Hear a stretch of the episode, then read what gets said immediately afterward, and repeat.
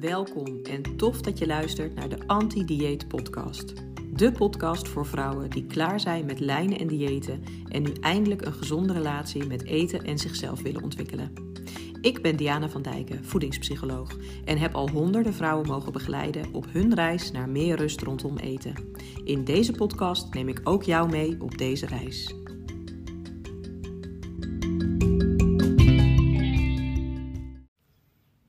Welkom bij weer een nieuwe aflevering van de Anti-Dieet Podcast. Wat leuk dat je er weer bij bent. Ik start zo met het item Wat viel op in de media. Daarna ga ik verder met het hoofdthema en dat is deze maand de overgang. En ook als je denkt daar nog lang niet mee te maken te zullen krijgen, is het aan te raden om wel even te blijven luisteren. Want uiteindelijk ligt de overgang voor elke vrouw om de hoek. Of is hij misschien al achter de rug? En in dat geval kun je misschien wat herkenning vinden in deze podcast. Kan ook geen kwaad. Ehm, de luistervraag van deze maand staat trouwens ook in het teken van de overgang. En het antwoord dat ik ga geven, dat zal je misschien wel verrassen. En ik sluit af met de tip van de maand. Maar nu eerst, wat viel op in de media? Nou, er viel me uiteraard weer van alles op in de media. Maar wat me vooral opviel en ook bij is gebleven, ging eigenlijk helemaal niet over onderwerpen die ik eh, normaal gesproken in deze podcast behandel, maar over de oorlog tussen Israël en Hamas. En wat me vooral opviel was hoe enorm zwart-wit daarover werd geschreven en gesproken. En dat dat eigenlijk heel vaak is wat er in de media gebeurt. Alsof er één goede partij is en één bad guy. Maar zoals zo vaak ligt de waarheid in het midden en is het veel genuanceerder dan het vaak wordt gebracht. Net als bij berichten over voeding of over gezondheid of over gewicht. Ook die worden vaak enorm zwart-wit gebracht en alsof de schrijver of presentator het ook allemaal zeker weet, terwijl dat heel zelden het geval is. Dus ik wil je vooral vragen om berichtgevingen in de media over onderwerpen die jou raken of interesseren, eens ter discussie te stellen. Want zou het echt zo zwart-wit zijn als het wordt gebracht? Of zou het toch ook net even iets anders in elkaar kunnen zitten?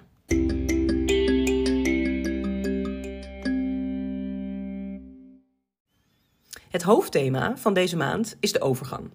Want de overgang heeft een enorme impact op je relatie met eten en jezelf. Dat realiseerde ik me pas echt toen ik zelf in de overgang bleek te zijn op mijn 39ste. Dat de overgang veel meer inhield dan opvliegers en stoppen met menstrueren. En dat deze ook veel eerder begon dan rond je 50ste, had ik me tot die tijd oprecht niet gerealiseerd. Maar ik voelde me zo vreemd. Niet echt mezelf. Ik sliep ineens weer veel slechter, werd vaak halverwege de nacht wakker en kon dan niet meer slapen. Andere nachten viel ik juist maar met moeite in slaap en lag ik eerst uren wakker. En er waren ook nachten dat ik echt amper een oog dicht deed. Ik kon me niet meer zo goed concentreren. Ik werd gemakkelijk afgeleid door geluiden of muziek. Ik vergat van alles, van afspraken tot verjaardagen, boodschappen die ik zou halen, wasjes die nog in de wasmachine zaten. En ik was het overwicht ook steeds kwijt. Ik was zo ongelooflijk moe dat ik overdag graag even wilde liggen, maar daar was zelden tijd voor. En ik kreeg naast meer last van mijn hielspoor ook last van stijve spieren en gewrichten. Dat had vast allemaal met elkaar te maken, want goed slapen is natuurlijk ook heel belangrijk. En dat dit tekenen konden zijn van de overgang, wist ik niet. Ik kreeg ook last van stemmingswisselingen. Ik was het ene moment mijn vrolijke zelf en het andere moment kon ik alleen maar huilen. En de ene keer kon ik de wereld aan en overal tegen, en de volgende keer werd ik boos op alles en iedereen. Maar goed, ik sliep natuurlijk ook slecht, dus wat wil je? Daarbij had ik een lange periode van stress achter de rug, dus dat kwam vast daardoor. De hartkloppingen die ik had, weet ik ook aan de stress, die er veel was geweest. En nu er meer rust kwam, vielen ze me waarschijnlijk gewoon meer op. Ze waren er daarvoor vast ook al geweest. Toen had ik het waarschijnlijk gewoon niet door. Ook zaten we BH's van het ene op het andere moment niet lekker meer. En over een periode van een aantal maanden groeiden mijn borsten zeker twee cupmaten. Oh ja, en ik kwam aan. Vooral op mijn buik. Ik zag mijn taille steeds meer verdwijnen. En dat terwijl ik echt niet anders at, dronk of bewoog dan in al die jaren ervoor. En hoewel ik me nooit weeg, merkte ik natuurlijk wel dat mijn kleding niet meer paste. En daar baalde ik toch eigenlijk best wel van. Ik gooide het wederom op alle jaren stress, waarin ik vooral leefde op adrenaline en daardoor ook eigenlijk gewoon kon eten wat ik wilde, zonder ook ooit maar wat aan te komen. Die stress was nu eindelijk minder en blijkbaar kwam ik daardoor nu wel aan. Mijn lijf zocht blijkbaar een nieuwe balans. So be. Andere dingen die me steeds meer opvielen waren dat mijn haar bij bosjes uitviel, ik steeds meer en vaker last kreeg van maagzuur, puistjes kreeg en het echt niet meer kon verdragen als iemand naast me krusli zat te eten, snurkte of gewoonweg wat te luid ademhaalde. En er iemand de muziek te hard had staan, kreeg ik gewoon wurgneigingen. Ik kreeg droge ogen, moest elke nacht plassen en ik had het ook steeds zo warm. Toen pas ging er ergens in de verte een belletje rinkelen. Maar ik kon toch geen opvliegers hebben op mijn net 39ste?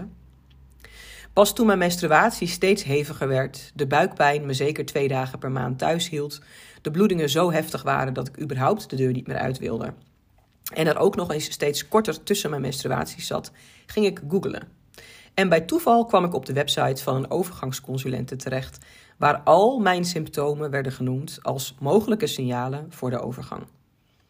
Maar dat kon toch niet kloppen? Ik was net 39. De overgang is toch iets voor vrouwen van 50 plus? De afgelopen twee jaar heb ik me verdiept in die verschillende fases van de overgang. En dan niet alleen in de fysieke veranderingen die daarmee gepaard gaan, maar ook in de psychische veranderingen. Want niet alleen in je lichaam verandert er van alles als gevolg van deze hormonale schommelingen. De schommelingen hebben ook een enorme impact op je psychische gezondheid. En als psycholoog vind ik dat niet alleen razend interessant, maar ik vind ook echt dat vrouwen deze informatie zouden moeten weten. En bij voorkeur al ruim voordat ze in die overgang terechtkomen.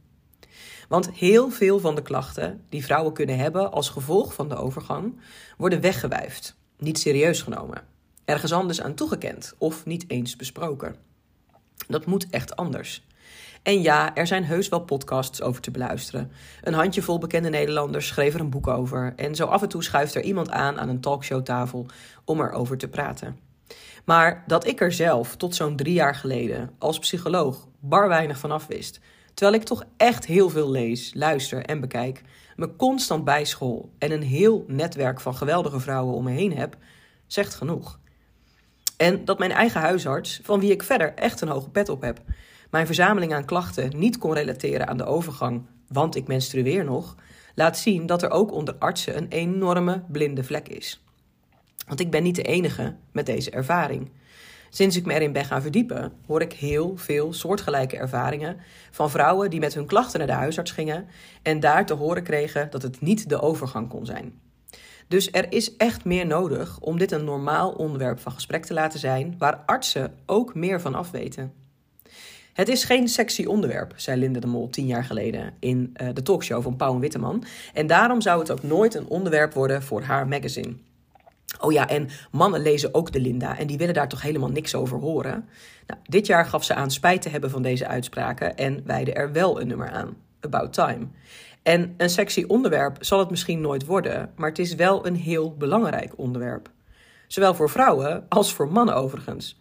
Vrouwen maken de overgang door, leven het. Maar eventuele mannelijke partners en zoons krijgen daar echt wel wat van mee. Zo ook in mijn eigen thuissituatie. Mijn man en zoons hebben al aardig, aardig wat met mij te verduren gehad in de afgelopen jaren. Ik ben veranderd. En niet alleen op een negatieve manier hoor. En dat er ook hele mooie kanten zitten aan de overgang, mogen we niet vergeten. Maar dat mijn humeur minder stabiel is, ik veel vermoeid ben, echt minder kan hebben, doen en regelen dan voorheen, dat merken ze heus wel. Inmiddels raken ze daar ook wel een beetje aan gewend, geloof ik. Niemand kijkt er meer gek van op dat ik regelmatig in alleen een hemdje aan tafel zit, omdat ik weer een opvlieger heb. Het raam openzet terwijl het binnen helemaal niet warm is. Een beetje bits reageer wanneer er iemand binnenkomt met rapmuziek op. En zelf continu met oortjes in door het huis loop om alle prikkels wat te verminderen. Oh, en ze kunnen me uittekenen in mijn favoriete hoekje van de bank. In een joggingbroek en zachte trui. Zonder BH, uiteraard. Want home is where the bra isn't.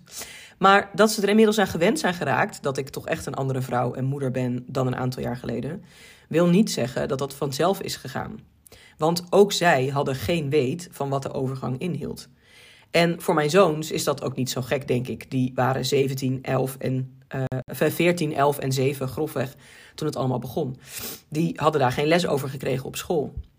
Maar mijn man heeft toch echt een moeder die ook door de overgang is gegaan. En hoewel het voor elke vrouw anders is, en er gelukkig ook heel veel vrouwen zijn die weinig of geen hinder ondervinden van de overgang, is er bij hen thuis in ieder geval ook nooit echt over gesproken. Dus of mijn schoonmoeder ooit ergens last van heeft gehad, weet ik eigenlijk niet. Van mijn eigen moeder herinner ik me alleen de opvliegers, maar ook zij heeft mij nooit iets verteld over wat me eventueel te wachten zou kunnen staan. Blijkbaar is het geen onderwerp waar moeders over in gesprek gaan met hun dochters of hun zonen. En dat neem ik mijn moeder en schoonmoeder ook niet kwalijk, maar ik wil dat wel anders. Dus ik ben de afgelopen jaren wel in gesprek gegaan met mijn zoons. Over de veranderingen die zij doormaken, zo richting de puberteit. En dat ik in een soort van omgekeerde puberteit zit. Dat ik soms niet zo aardig ben en moe en wat meer tijd voor mezelf nodig heb, net als zij in hun puberteit. Maar ik blijf het bijzonder vinden dat we als maatschappij zo weinig weten of willen weten over een onderwerp waar de helft van alle mensen direct mee te maken krijgt en de andere helft zijdelings of indirect. Vooral omdat het voor een deel van de vrouwen die ermee te maken krijgt echt een enorme impact heeft op hun leven. En dus ook op de relatie die ze met eten, hun lijf en zichzelf hebben.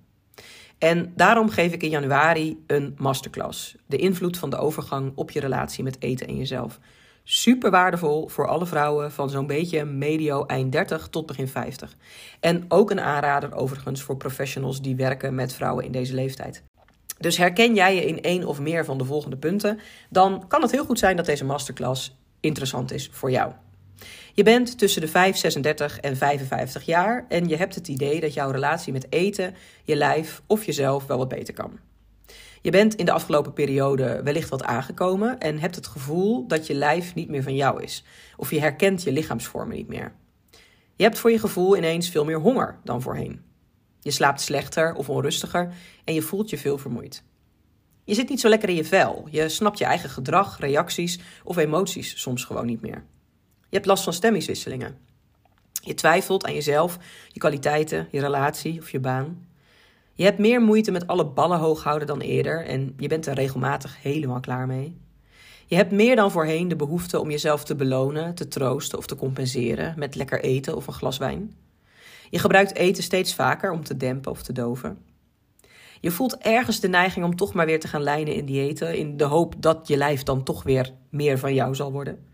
Of je bent professional en je werkt dus met vrouwen in de overgang en je wilt hen nog beter kunnen begeleiden.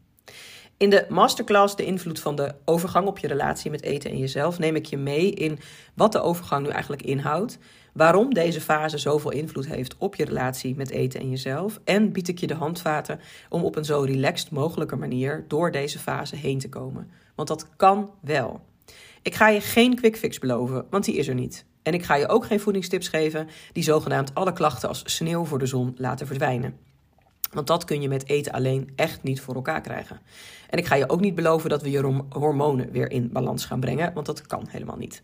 Ik ga je wel op een luchtige manier met een vleugje humor en zelfspot meenemen in hoe jij tijdens de overgang weer de regie kunt pakken op je eetgedrag, een relaxte relatie met eten kunt ervaren en weer echt in contact komt met je lichaam en jezelf. Wil je dat nou ook? Meld je dan snel aan voor deze masterclass. De link vind je uiteraard in de show notes. De masterclass vindt plaats op maandag 15 januari 2024 van half acht tot 9. Kun je er niet live online bij zijn, dan ontvang je de volgende dag gewoon een replay en die kan je dan nog een aantal dagen terugkijken.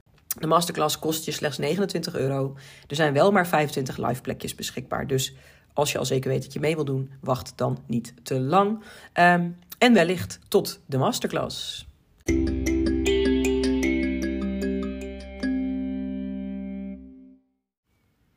Dan is het nu tijd voor de luistervraag. En die staat deze maand ook in het teken van de overgang. Ik ontving namelijk een vraag van Mieke. En die luidt als volgt. Ik ben in de overgang en al best wel wat kilo's aangekomen. Vooral mijn buik is dikker geworden en dat vind ik verschrikkelijk. Nu zie ik regelmatig advertenties voorbij komen die zeggen dat dat buikje er helemaal niet zou hoeven zijn als ik maar hun product zou gebruiken. Soms zijn het pillen, soms shakes, soms beloven ze een hormonenreset als ik maar keto zou gaan eten. Maar werkt dat echt zo of zijn het loze beloftes? Nou, ten eerste, Mieke, dankjewel voor je vraag. Um, je hebt hem eh, twee maanden geleden al gesteld en we hebben ondertussen via DM ook al even contact gehad.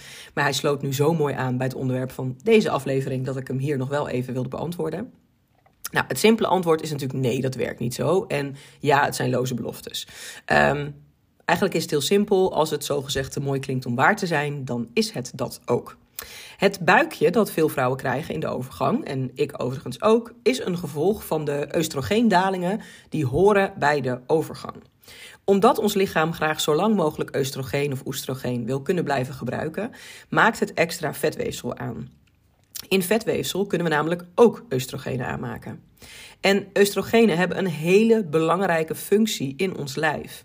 Zo beschermen ze ons tegen hart- en vaatziektes en osteoporose, zorgen ze voor een fijn humeur, houden ze de huid stevig en de slijmvliezen goed vochtig en ze houden ons ook langer vruchtbaar. Geen wonder dus dat ons wonderbaarlijke lijf ervoor kiest extra vetweefsel op te slaan. Het heeft echt een functie. Die slimme functie valt niet te omzeilen door pillen te slikken, shakes te gebruiken of keto te gaan eten. Daar is ons lichaam echt veel te slim voor. Een gezond en gevarieerd eetpatroon is net als in alle andere levensfases belangrijk. Maar dat betekent dus niet geen suikers, nooit snoepen of geen ultra bewerkte producten. Maar gewoon een, een, gewoon een eetpatroon met voldoende vitamines en mineralen, genoeg vezels en vooral ook echt voldoende eten. Zodat je niet de neiging hebt om steeds te gaan snoepen. En die hormoonreset die veel coaches tegenwoordig aanbieden door je aan te raden suikers te laten staan, bestaat niet. Zelfs de artsen die zich jarenlang hebben gespecialiseerd in hormonen, komen er nog steeds niet echt goed uit hoe het nu zit met die hormonen. We weten dus vaak wel dat hormonen elkaar kunnen beïnvloeden, maar niet precies hoe en waarom. Dus een zogezegde hormooncoach, die er vaak slechts een opleiding van een paar dagen op heeft zitten, kan dat ook niet weten. Echt niet. Als het wel zou kunnen, dan zouden er geen mensen meer rondlopen met allerhande hormonale problemen. Hormoontherapie via een ziekenhuis heeft soms overigens wel het gewenste effect. Dan hebben we het over HRT's. Um, en daarbij is de insteek ook niet om je hormonen te resetten, maar om de tekorten die ontstaan tijdens de overgang weer wat aan te vullen. Dan moet ik wel eerlijk zeggen, dat is echt iets wat je via een arts, een echte um, in een ziekenhuis onder begeleiding gaat uitproberen. Dus dat is ook niet iets wat je zomaar over de counter kunt krijgen. Maar het resetten van je hormonen slaat echt nergens op. Valt er dan helemaal niks te doen aan dat buikje? Nou, daar vertel ik je natuurlijk meer over in die masterclass. Dus wil je daar meer over weten, meld je aan. Hey, beetje een teaser. Ik ben zelf namelijk echt heel enthousiast over de masterclass die ik aan het ontwikkelen ben. En ik weet zeker dat als jij in de overgang zit of daar naartoe aan het werken bent, dat het voor jou interessant kan zijn. En realiseer je dus ook dat als je één of meerdere van de um, opties herkende, hè, waar ik het straks over had, um, en je bent ergens tussen de 35 en de 50, dat de kans vrij groot is dat jij in de overgang bent. Het stoppen met menstrueren is het einde van je overgang, niet het begin van je overgang. Dus realiseer je vooral ook dat nog even. Nou, in ieder geval bedankt voor je vraag, Mieke. En uh, nou ja, we hadden al contact gehad. Je was blij met het antwoord en je kon er wat mee. Maar ik hoop dat ook iedereen die nu hiernaar heeft geluisterd er wat mee kan.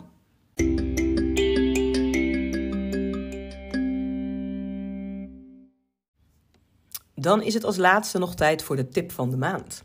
De vorige afleveringen tipte ik een boek en een inspiratiespel. En deze maand wil ik een andere podcast met je delen. En namelijk Wat ik vandaag weet.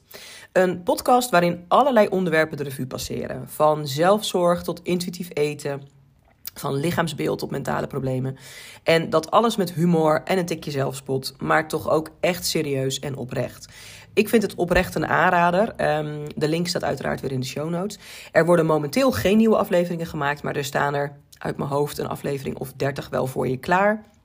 Dus je kunt daar uh, even goed best wel wat tijd van genieten. En um, nou ja, je eigenlijk wentelen in hoe drie Um, ik denk dertigers, misschien net veertigers. Ik moet eerlijk zeggen dat ik dat eigenlijk niet zeker weet. Um, praten over het leven. En allemaal met hun eigen rugzak en hun eigen dosis kennis en ervaring op allerlei verschillende vlakken. Um, maar in ieder geval vond ik het een hele leuke aanrader om, uh, om aan jullie door te geven. Dus luister hem vooral en dan hoor ik ook heel graag wat jullie daarvan vonden. Nou, daarmee zit ook deze aflevering er weer op. En ik heb het wel eens vaker gevraagd, maar het is voor mij ontzettend belangrijk dat jullie reviews achterlaten, sterren achterlaten. Dat jullie de podcast volgen of delen met vrouwen waarvan jullie het idee hebben dat ze deze podcast ook goed zouden kunnen gebruiken in hun reis naar meer rust rondom eten en hun eigen lichaam en hun zelfbeeld.